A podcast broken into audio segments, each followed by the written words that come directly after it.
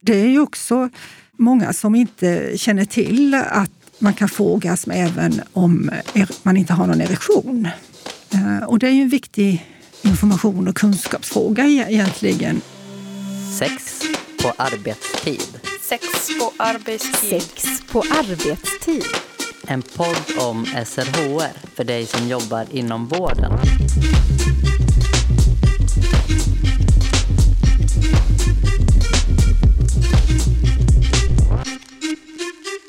Prostatan, en del av kroppen som de flesta vet ganska lite om och kanske aldrig har funderat över för det kommer ett besked om att det har utvecklats cancer just där. Prostatacancer är den vanligaste cancerformen idag. Prognosen är god, men vad händer egentligen efter behandling? I dagens avsnitt ska vi prata om hur sjukdom och mediciner påverkar den sexuella funktionen och lusten och vilken hjälp som finns att få. Det här är det första programmet vi gör tillsammans med RFSU, Riksförbundet för sexuell upplysning. Vi kommer tillsammans under hösten och vintern att släppa tre avsnitt med fokus på sexuell hälsa och äldre. Vår gäst idag är Karina Danemalm Jägervall som är uroterapeut och sexualrådgivare. Välkommen hit Karina. Tack så mycket. Tack för att jag fick komma hit. Jag som gör det här programmet heter Anna Skoglund och gör det tillsammans med min kollega Jennifer C. Ja, vi ska ju prata om prostatacancer. Mm. Eh, och det är ju en av vad vi har förstått de vanligaste cancerdiagnoserna. Men hur många i Sverige drabbas av det varje år och hur gammal är man ungefär då? Mm. Genomsnittsåldern när man får insjukna i prostatacancer är mellan 69 och 70 år. Och det är ungefär 10 000 som insjuknar i prostatacancer varje år. Innan vi går vidare så behöver vi veta lite mer om prostatan kanske. Eh, vad är det för någonting och vart i kroppen sitter den? Prostatan är en körtel som producerar sekret.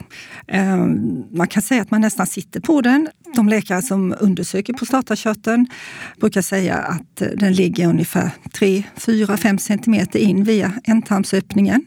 Anatomiskt så befinner sig prostatakörteln precis under urinblåsan och urinröret passerar genom körteln. Och man använder lite eh, nötter och fruktmetaforer när man beskriver prostatakörteln när den undersöks. Och man brukar säga att den är i storlek av en valnöt. Och är det en frisk prostatakörtel så ska den kännas som ungefär som ett plommons konsistens. Är den då en oregelbunden prostatakörtel och lite hård när den palperas så kan det vara tecken på en cancer. Och dess uppgift ja, det är att bilda sekret tillsammans med det sekretet som finns i sädesblåsorna. Så det blandas ihop då tillsammans med sädescellerna och bildar då själva ejakulatet, sädesvätskan. Så är det den rollen som prostatan har för sexlivet eller hur, hur, påverkar, den, hur påverkar den det? Det intressanta i det, alltså tanken kring att prostatakörteln skulle vara någon erogen zon och, och, så vidare. Eh, det jag tycker är intressant i det är att det är en slående skillnad mellan till exempel hur gruppen män som har sex med män diskuterar eh, olika sexuella praktiker för att få njutning av eh, prostatan och jämfört med hur vi i vården jag som då får representera en urologklinik i, genomsnitt, eh, där, där det resonemanget är helt frånvarande då. Eh, och jag har intresserat mig för den här stora skillnaden då. Eh, och bland annat skrivit ett kapitel om den frågan i en antologi som heter Prostatan, det, det stora gisslet.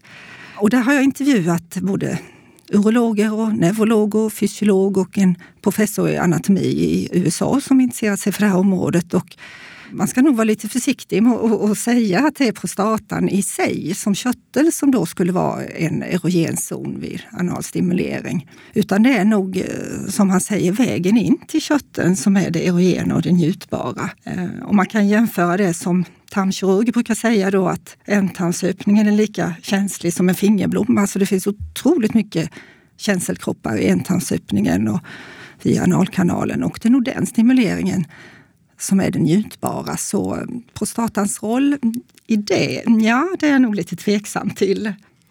Så just prostatan i sig påverkar nog inte sexlivet så mycket? Nej, det tror jag inte. Inte prostatakörteln i sig. Men när vi ska komma in på eh, prostatacancer och hur det påverkar sexuallivet så finns det ju ett eh, väldigt stort samband mellan behandlingar och sexuella förändringar. Men det beror ju mer på att de nerverna som styr till exempel mannens erektionsförmåga, de ligger ju så otroligt oturligt nog så otroligt nära prostatakörteln och det blir väldigt lätt hänt att de skadas både vid kirurgisk behandling och strålbehandling till exempel. Men hur upptäcker man att man har prostatacancer? Hur vet man det? Ja, man brukar säga att en prostatacancer i ett tidigt skede inte ger några symptom utan eh, är det en prostatacancer som upptäcks i ett senare skede så ger det rätt så liknande symptom som man får när man har en besvär av en godartad prostataförstoring. Man märker det på att eh, man får kissa lite ofta, kanske tränger lite mer till tömning. Eh, strålen är svagare och sådana förändringar. Godartad prostataförändring, är det någonting som är eh, någonting att vänta för alla personer med prostata på sikt när man blir äldre? Eller? Ja, det är ju en vanlig åkomma så att säga, att prostatan ställer till bekymmer upp i åldern. Men vanligtvis är det då en godartad prostataförstoring som gör det lite trångt för urinen att passera. Vet du hur det ser ut för personer som har bytt juridiskt kön men har kvar prostatan? Det där är en viktig fråga och eh, jag vet att man jobbar på att hitta en modell för att eh, man inte missar den gruppen. Vad jag hörde senast så skulle då de särskilda enheter som jobbar med könsdysfori och frågeställningar kring det och så skulle vara mer uppmärksammade på den äldre gruppen personer. Hur gör man då? Alltså när man har upptäckt en prostatacancer, hur ser behandlingen ut? Ja, för det första så må, många gånger så är ju behandling av prostatacancer en botande behandling idag. Och då kan man välja mellan kirurgisk behandling eller strålbehandling. Ehm, för de som har en spridd prostatacancer kan behandlingen se annorlunda ut och framförallt används en hormonbehandling kallar man det, eller i kombination med annan behandling. Hur påverkas fertiliteten när man går igenom en behandling? Får man liksom frågan om man vill spara sperma? Får alla den frågan? Ja, den möjligheten finns ju att eh, spara sperma för nedfrysning och så. Framförallt eh, de som genomgår kirurgisk behandling. Och det är någonting som man tar upp med sin kontaktsköterska i väldigt tidigt skede. Sen påverkar ju även strålning fertiliteten och hormonbehandling också. Så det är absolut en fråga som är viktig för, för de som är det aktuellt att skaffa barn. Men hur påverkar sexualiteten utav, eh, efter behandling? Mm. Alltså, eller i samband med behandling eller efter behandlingen? Mm. Ja, eh, jag brukar säga att all behandling av prostatacancer påverkar sexualiteten i någon form. Eh, det ser ganska olika ut. Eh, det är ganska stora skillnader. Och Generellt kan man säga att de som opereras för en prostatacancer, det, det kommer ju de sexuella förändringarna, om vi tänker kring erektil funktion, kommer ju väldigt momentant och plötsligt. Och bara det i sig kan ju vara eh, en omvälvande förändring, att man har haft en god eh, sexuell förmåga förut. Och man kanske dessutom upplever sig som väldigt frisk och som har fått sitt cancerbesked och sen så blir det alltså en momentan förändring. På strål, om man strålbehandlas så, så kommer just vad det gäller den erektila dysfunktionen i, oftast i mycket senare skede. Ibland kan det gå flera år till och med innan det blir en förändring.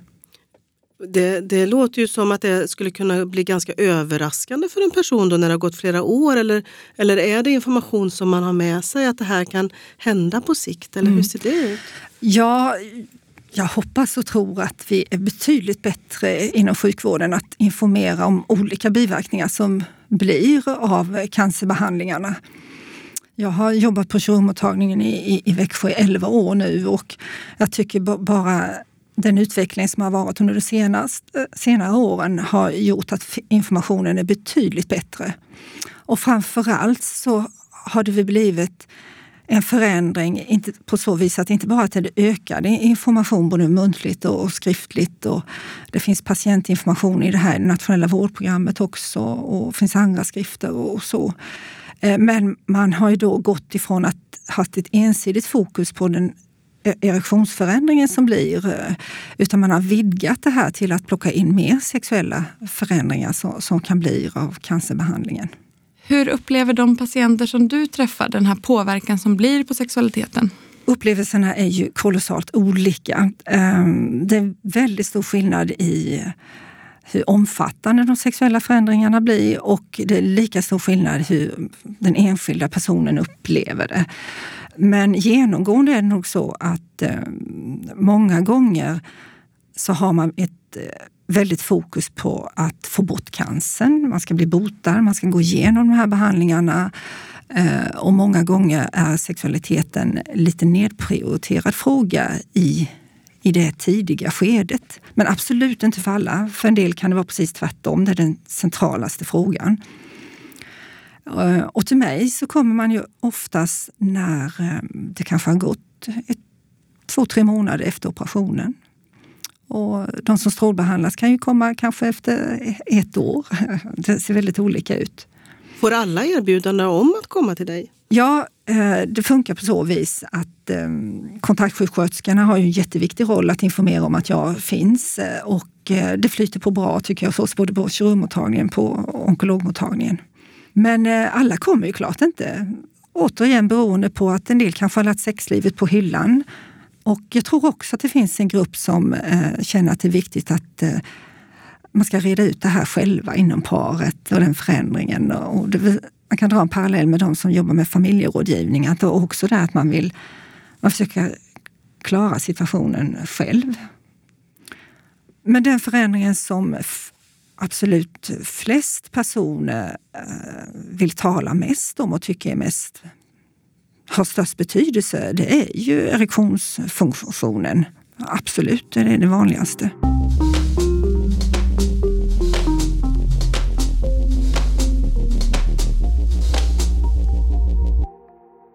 Vad, vad finns det mer för förändringar? Mm. Um, om man säger efter en operation så blir det ju väldigt påtagligt att det, det kommer inte något ejakulat längre ut utan det, det blir en orgasm. Enbart en orgasm. Är det någonting som kan oroa många eller är det jag tycker nog att den frågan är mindre viktig för en större grupp. Ehm, ejakulatet eh, kan absolut ha betydelse. Det kan vara partnern som tycker det är ett viktigt, viktigt kvitto på, på njutning och, och så vidare. Men jag har också partner som kan tycka att det, ja, det är smidigt att slippa det ungefär. Så det, det har väl mindre betydelse. Men eh, Eh, sen kommer det ju ändå till den här, eh, liksom, hur känns det för en man som i hela sitt liv har haft en utlösning, fått eh, en sädesuttömning och sen får man inte det längre. Och det var jag väldigt nyfiken på, så det var min första studie jag gjorde var en kvalitativ intervjustudie där jag ställde precis den frågan, ja, men hur känns det? Och svaret på det var ju att det var en väldigt stor variation. Eh, dels var det också så att det kanske är lite ovant för, för män att tala om sin orgasm och eh, beskriva hur den känns och hur den har förändrats och, och så vidare. Det var också intressant eh, kunskap och framförallt att man blandar ihop begreppen lite grann här. Man, man pratar om utlösning och så tänker, menar man att det är både det som åker ut och själva känslan. Men här blir det, efter operationen blir det väldigt tydligt att nu är det enbart en orgasm. Eh, frånsett att det kan vara något som kallas för klimakteri. ett litet postoperativt urinläckage som kan komma i samband med orgasm eh, som oftast försvinner efter ett antal eh, månader. Men där brukar jag tidigt ge hopp om att eh, orgasmfunktionen har ingenting med att erektionsnerver skadas under operationen utan Eh, utan eh, stå ut med den frustrationen att det är en förändring, men, men eh, det brukar ofta komma tillbaka. Ibland kan det vara så att en del tycker att orgasmens intensitet är lite svagare när man är de första månaderna efter operation. En del tycker att tiden är lite kortare. Den är oftast kort ändå, då kan det bli ytterligare lite kortare. Eh, en del kan få så kallad dysorgasmi, att man kan få en sting av smärta i samband med orgasmen också. Och det, det är ju också många som inte känner till att man kan få orgasm även om man inte har någon erektion. Eh, och det är ju en viktig information och kunskapsfråga e-, egentligen. Att eh, ge mod, att våga komma igång, att beröra sitt könsorgan och våga känna sig bekväm i att kroppen ger inte den genitala responsen som man är van vid. Men stanna kvar i, i den stunden och försök känna någon annan njutning istället för få panik och man kanske blir både ledsen och, och irriterad och undviker sex istället. Men försök att bjuda in ens partner också till stimulering och fortsätt stimulera så kan man se att man kommer till den här tröskeln där orgasmen väntar och, och sen kan man få orgasm även utan någon erektion. Jag tänker det här att, att, att våga stanna kvar, att vara i det här eh, trots att responsen uteblir. Men innebär det också att man behöver ha en annan typ av stimulering kanske än tidigare för att nå orgasmen? Mm. Ja, en del tycker jag liksom att man får ha en liten annan teknik så att säga. Men man får nog prova sig fram. Um, och, och framförallt att uh, man brukar jämföra kvinnans klitorishuvud med mannens ollon. Och det, det, vill jag väl, det är nog en missuppfattning i det, utan det är ju strängen runt ollonet och, och kransen runt ollonet, ringen och sträng, ollonsträngen. Det är där som är absolut mest känselkroppar och det är just det området man får stanna kvar och, och eh, stimulera. Men sen mycket av orgasmen sitter ju inte i könsorganet utan det är ju i huvudet. Och är man fullt upptagen med tankar kring att man är rädd att det läcker urin kanske och man är frustrerad av att man inte får någon erektion. Det, det är klart att det inte det blir någon orgasm då, utan eh, man får, kanske inte ska ha som mål att det måste, en sexuell aktivitet måste avslutas med en orgasm, utan våga stanna kvar i njutningen och försöka känna någonting annat och se vad det leder till. Och sen självklart är vi ju väldigt positiva att komma igång med erektionsstimulerande läkemedel. För det finns ett medicinskt syfte i, i det. Och det, man har ju sett då att eh, svällkropparna behöver någon form av ja, träning, brukar vi kalla det.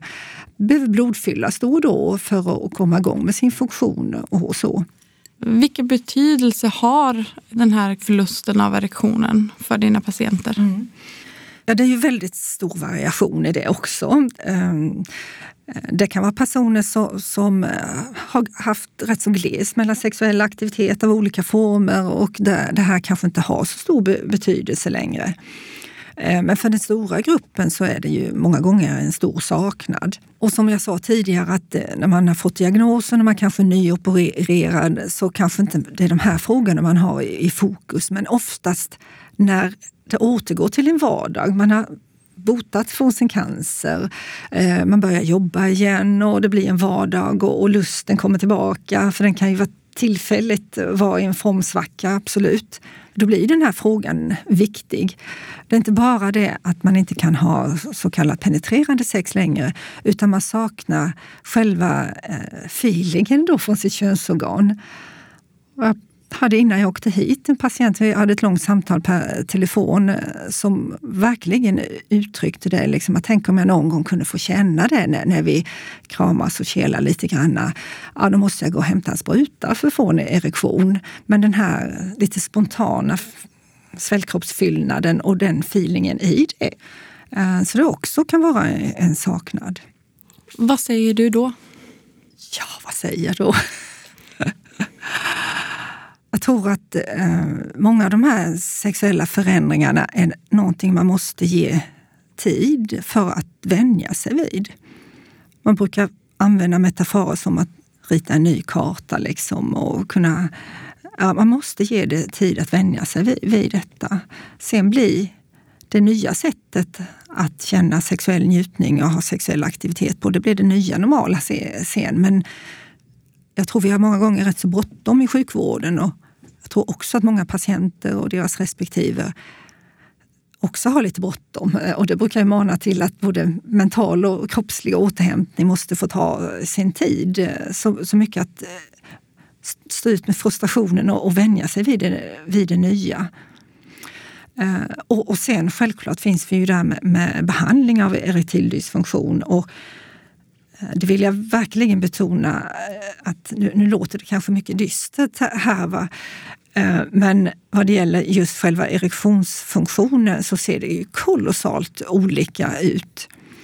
Och där har väl utvecklingen av kirurgisk behandling gjort stora framsteg. För jag kan ju ena dagen ha en patient som kommer in till min mottagning som har genomgått så kallad nervsparande kirurgi. Och då har man kanske haft sån tur att man har kunnat spara nerver på båda sidor om prostatakörteln. Och han kanske är lite yngre, kanske haft god erektionsförmåga innan. Det är sådana faktorer som också bidrar.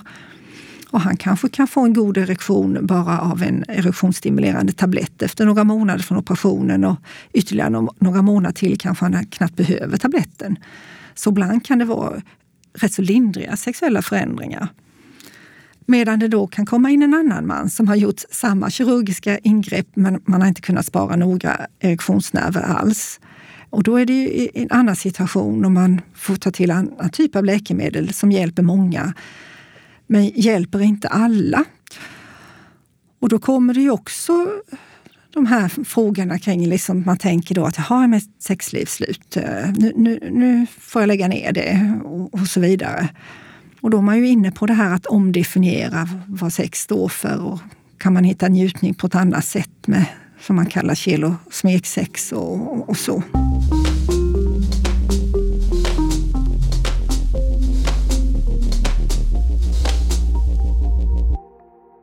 Det här med sexuell praktik och hur man har haft sex genom livet kan ju se mm. väldigt olika ut. Vi vet ju att du möter många män som har sex med män. Eh, och då ställs ju det kanske lite på sin spets, för det är inte så mycket vi pratar om det inom hälso och sjukvården annars. Mm. Eh, vad säger de männen som du möter som har sex med andra män? Är det någon skillnad tycker du just eh, i, i de frågorna och den hjälpen som de behöver ha? Uh, ja, jag håller verkligen med dig om att vi är lite normativa i sjukvården eh, där. Eh, och den här gruppen har jag försökt uppmärksamma genom bland annat eh, gjort en studie där jag intervjuat ehm, män som har sex med män. Um, och framför allt är det ju kanske frågan kring det här vi pratade tidigare om med, med föreställningen om prostata som en erogen zon och vad händer då om jag opererar bort min prostata? Eh, men då kan man ge lugnande besked att det, det är liksom lugnt. Man kan få orgasmen eh, ändå. Det är inte där ehm, det hela sitter i. Eh, men det är viktigt att uppmärksamma kanske vid strålbehandling då som kan göra att slemhinnorna i ändtarmen är mer skör. Att man får vara lite försiktig en tid efter strål, avslutad strålbehandling och likadant vid kirurgisk behandling. En tid, hur lång tid kan det vara? Ja, man brukar säga några veckor eller tills man är symptomfri. Mm. Hur påverkas lusten av en prostatacancer och behandling? Man kan säga så här att lusten påverkas inte direkt av att man opererar bort prostatacancern och av att den bestrålas. Men det kan ju vara en tillfällig formsvacka av lusten bara av att man får diagnosen cancer och alla frågor som ställs kring, kring det. Eh, och sen ska man välja behandling och man ska genomgå behandling. Och då tycker jag det är ganska vanligt att eh, lusten minskar. Eh, men det finns också undantag. Det finns de som prioriterar det här mer och får liksom en ökad lust. Och I en studie jag gjort så framkommer det att man hade en form av avskeds ritual. Att man kanske bara någon dag eller kvällen innan operation var det i detta fallet hade ungefär som att man tog farväl till sexet. För även om man var välinformerad och, och, vet om att det blir förändringar, men man vet också om att man kan få bra hjälp och att återhämtning tar tid, men det kan bli bättre och bättre. Så, så kan man ju inte sätta sig in i hur det verkligen kommer bli och, och kännas. Jag tycker det är vanligt att lusten minskar och då är det viktigt att vi informerar om att det har inte med operationen att göra ehm, utan man får stå ut. Det, det kommer efterhand, man måste ge det lite tid. Sen ska vi inte då blanda ihop ehm, den lustminskning som ska bli om man behandlas med, det hormonbehandling. Vad innebär det då? Vad är det mm. för någonting? Har man då till exempel en spridd cancer så får man hormoninjektioner, eh, läkemedel eh, som gör att eh, testosteronhalten sjunker väldigt, väldigt kraftigt. Man kallar det till och med för kastrationsbehandling. Och det blir ju en påtaglig förändring för den patienten. Ehm, det är inte så att det alltid blir en total frånvaro av lusten. Eh, ungefär 15 procent har kvar en viss lust och längtan. För här pratar vi om att man tappar sexuella fantasier och man tappar längtan till närhet och beröring. Eh, en liten grupp eh, har kvar även vid en sån här kraftig hormonbehandling. Men en stor grupp känner av en påtaglig lustminskning och förmågan försvinner många gånger.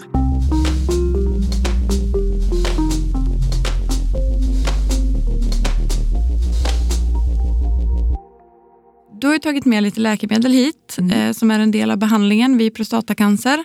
Och vi kanske ska beskriva dem lite för våra lyssnare, så bra det går. Ja, jag brukar beskriva för mina patienter att man kan dela in läkemedlen i två olika grupper. Ehm, det ena är ju tablettbehandling och det andra är en lokalbehandling. Och i den lokalbehandlingen eh, handlar det om mediciner som man antingen för ner i urinrörsmynningen eller lite längre ner i urinröret eller det andra är en form av injektion. Eh, men tabletterna är väl det som allra flest känner till och tyvärr har man väl en förhoppning att det är en quick fix och tabletter alltid funkar. Men när vi pratar om nerv och kärlskador så krävs det många gånger en lokalbehandling för att man ska få en god effekt. Hur snabbt ska personer börja med de här läkemedlen efter eh, behandling? Ja, det är framförallt vid operation där man har gjort så kallad nervsparande kirurgi som vi i vården brukar uppmana våra patienter att komma igång med någon form av ja, svällkroppsträning. Och man brukar jämföra det ungefär som med sjukgymnastik. Idrottar man och får en skada så ska man gå, komma igång och träna och, och, och så vidare. Hur upplever patienterna det då? Att börja med det så snabbt efter Eh, att man kanske har opererats. Då. Mm, mm. Det är viktigt att förklara för patienterna vad vi i vården menar med, när vi uppmuntrar till att komma igång med någon form av erektionsstimulerande läkemedel eller hjälpmedel. Eh, och, för en del kan uppfatta det som att man nödvändigtvis måste ha en sexuell aktivitet tillsammans med kanske den man lever med i en relation. Eh, och så är ju inte fallet då, utan det vi menar är ju att man kan stimulera på egen hand, kanske i duschen och, och eller att man tar en erosionsstimulerande tablett en timme innan man går och lägger sig. Och då kanske man jobbar med sin bäckenbotten som är utmärkt att eh, göra bäckenbottenövningar både för att förbättra ett eventuellt läckage men också eh, vad det gäller eh, återhämtning av erektionsfunktion så kan man eh, knipträna och så kan man stimulera penis också en liten stund. Då har man liksom gjort en träning. Så det måste inte nödvändigtvis innebära att man måste eh, ha en sexuell gemensam aktivitet. Om tabletterna inte funkar, vad gör man då? Mm. Då går man vidare till nästa steg i behandlingen. Ehm, ja, man kan ju prova olika tabletter innan man tar nästa steg. Men ehm, framförallt så har vi då eh, en lokalbehandling. Ehm, det finns två olika läkemedel som man ger i urinröret. Och det är väl väldigt bra att man avsätter tid för att ge en, instruera hur det här funkar och ge information om biverkningar och, och hur man ska använda dem. Um, prova patienten detta och då vill jag säga åter, Uppföljning är ju jätteviktig här, att verkligen följa effekt och eventuella biverkningar och så vidare. Ehm, sen finns ju då injektionsbehandling. Hur upplever patienterna det här att sticka sig i penisen? Mm. Ja, det är klart det är väldigt nytt och främmande för de flesta.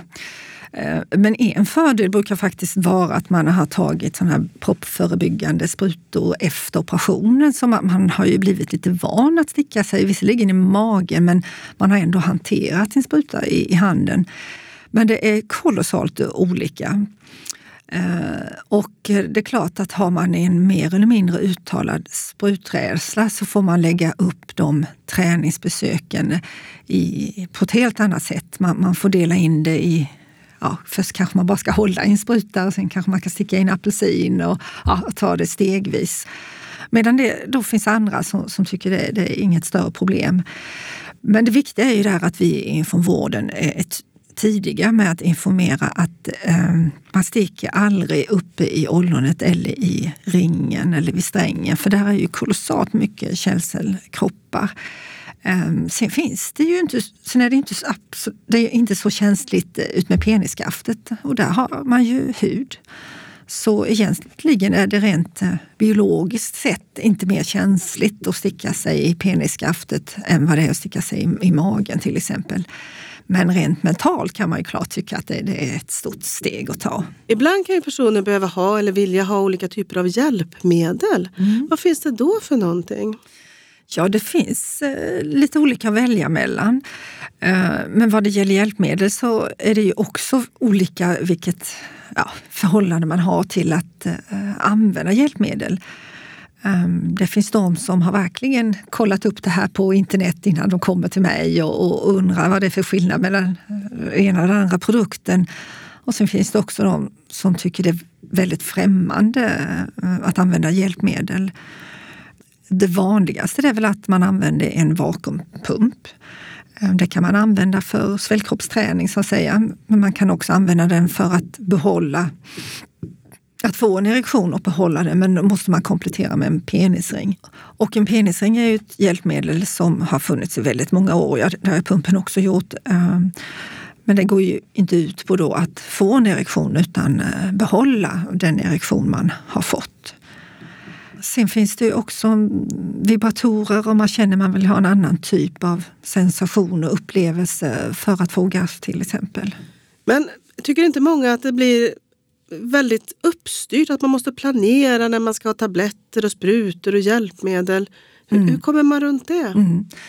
Ja, det är absolut många som tycker det och ibland tycker man att det blir liksom för mycket. Det blir liksom bara en teknik och, och man tappar liksom lusten och längtan mitt i allt det här medicintekniska och, och så är man ändå motiverad och, och, känner att det är penetrerande sex man vill ha, båda är överens, för det, det krävs ju att ens partner också eh, är motiverad att använda den här typen av hjälpmedel, eh, så får man väl, som med mycket annat som är förändrat, ge det lite tid. Man måste få vänja sig in vid det och öva på att planera sex. Sen tror jag att vi har gärna en idealiserad bild att sex ska vara så spontant och härligt och ramla ner från himlen ungefär. Eh, men börjar man diskutera liksom hur gjorde ni innan? Vem av er tog initiativ och när brukar ni ha sex och när brukar det kännas rätt för er och vad föregås då timmarna innan ni har en sexuell aktivitet? Då kommer det oftast fram då att jo, men då brukar vi ja, äta lite gott eller så går vi och duschar och då, då har man ju redan planerat. Fast det kanske inte är så tydligt som det blir när man ska använda ett läkemedel eller en pump och då får man jobba på att man lägger in även läkemedel eller hjälpmedel i den planeringen. Vi brukar avsluta våra avsnitt med att vår gäst får lämna tre tips. Vilka är dina tips, Karina? Ja, det ena tipset är ju att man ska inte dra sig för att söka hjälp för de här frågorna. Och skulle det vara så att man behandlas på en enhet där man inte har sexolog knuten till sig eller man inte har för vana att hänvisa till sexualrådgivare eller sexolog så kan man ju titta på Svensk sexologisk hemsida och, och se om det finns någon annan sexolog i, i närheten. Och sen det andra är att ha tålamod och ge det hela tid. Mitt sista tips är väl att jag vill vända mig till sjukvården och betona att det är viktigt att man på de enheter som handhar personer med prostatacancer, att man knyter sig an medarbetare med sexologisk eh, kompetens. Och som patient, om man vill veta mer, eh, så finns det en bok som jag tillsammans med Ola Bratt, professor i urologi, har skrivit som heter Sex, samliv och prostatacancer och den finns att eh, köpa för en krona på Prostatacancerförbundets webbshop och det finns också att läsa online. Tusen tack för att du kom hit idag Karina. Tack så mycket.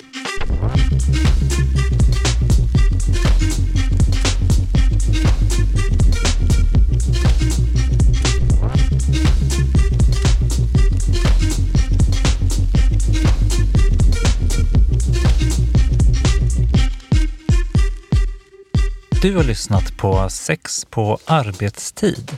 En podd som görs av Jennifer C, Elin Klingvall och Anna Skoglund på Kunskapscentrum för sexuell hälsa. En del av Västra Götalandsregionen. Det här avsnittet gjordes i samarbete med RFSU. Producent var Rasmus Malm.